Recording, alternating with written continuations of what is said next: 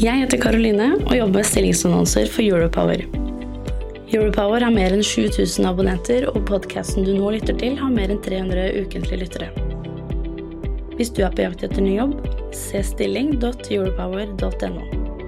Ta også gjerne kontakt med meg dersom du ønsker å annonsere ledige IT-stillinger i fornybar energibransje.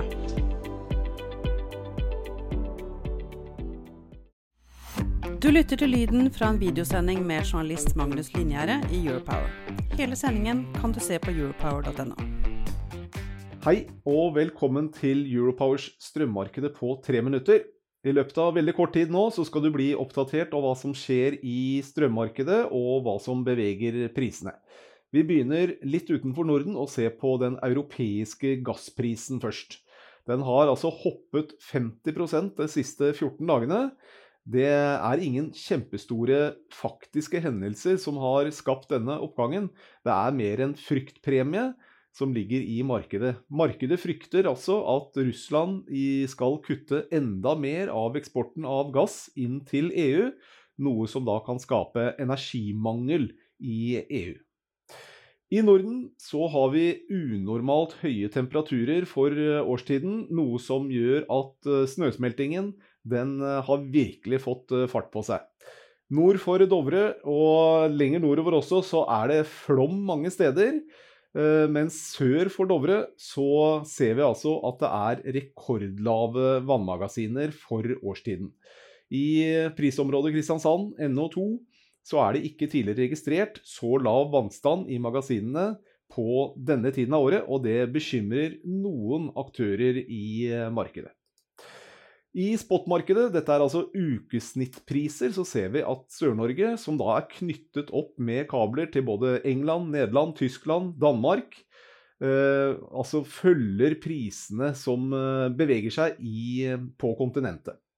Lenger nordover så er det et kraftoverskudd som er innestengt pga. flaskehalser i nettet. Det gjør at prisene presses hardt ned, og i denne grafen så er det nesten vanskelig å se at de kommer over nullinja.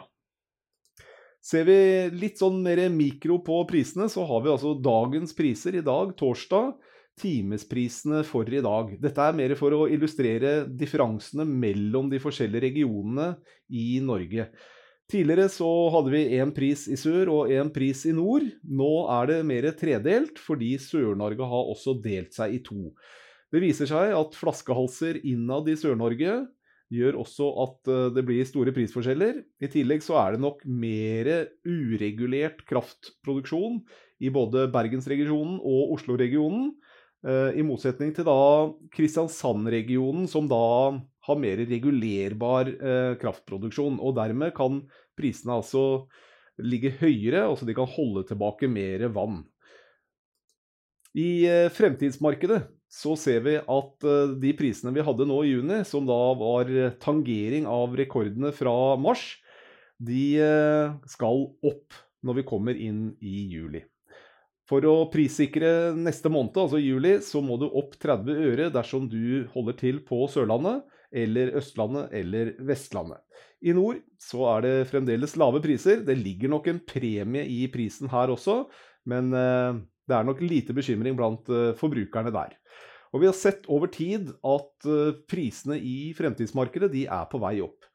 De følger jo det som skjer i Europa, med gassprisen som stiger, og kullpriser som stiger.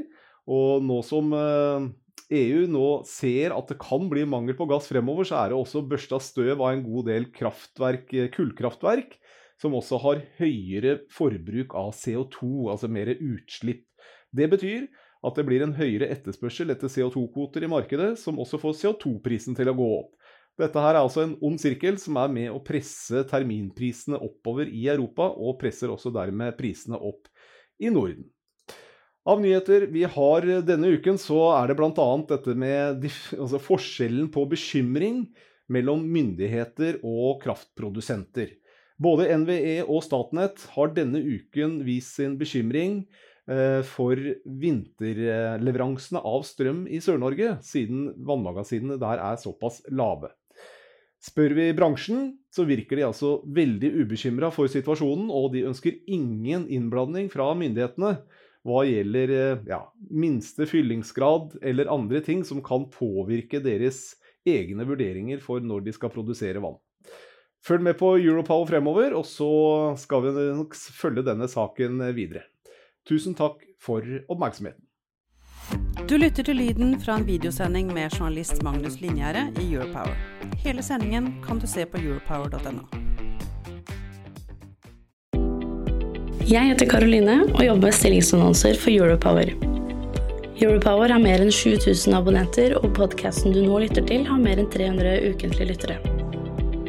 Hvis du er på jakt etter ny jobb, se stilling.europower.no. Ta også gjerne kontakt med meg dersom du ønsker å annonsere ledige IT-stillinger i fornybar energibransje.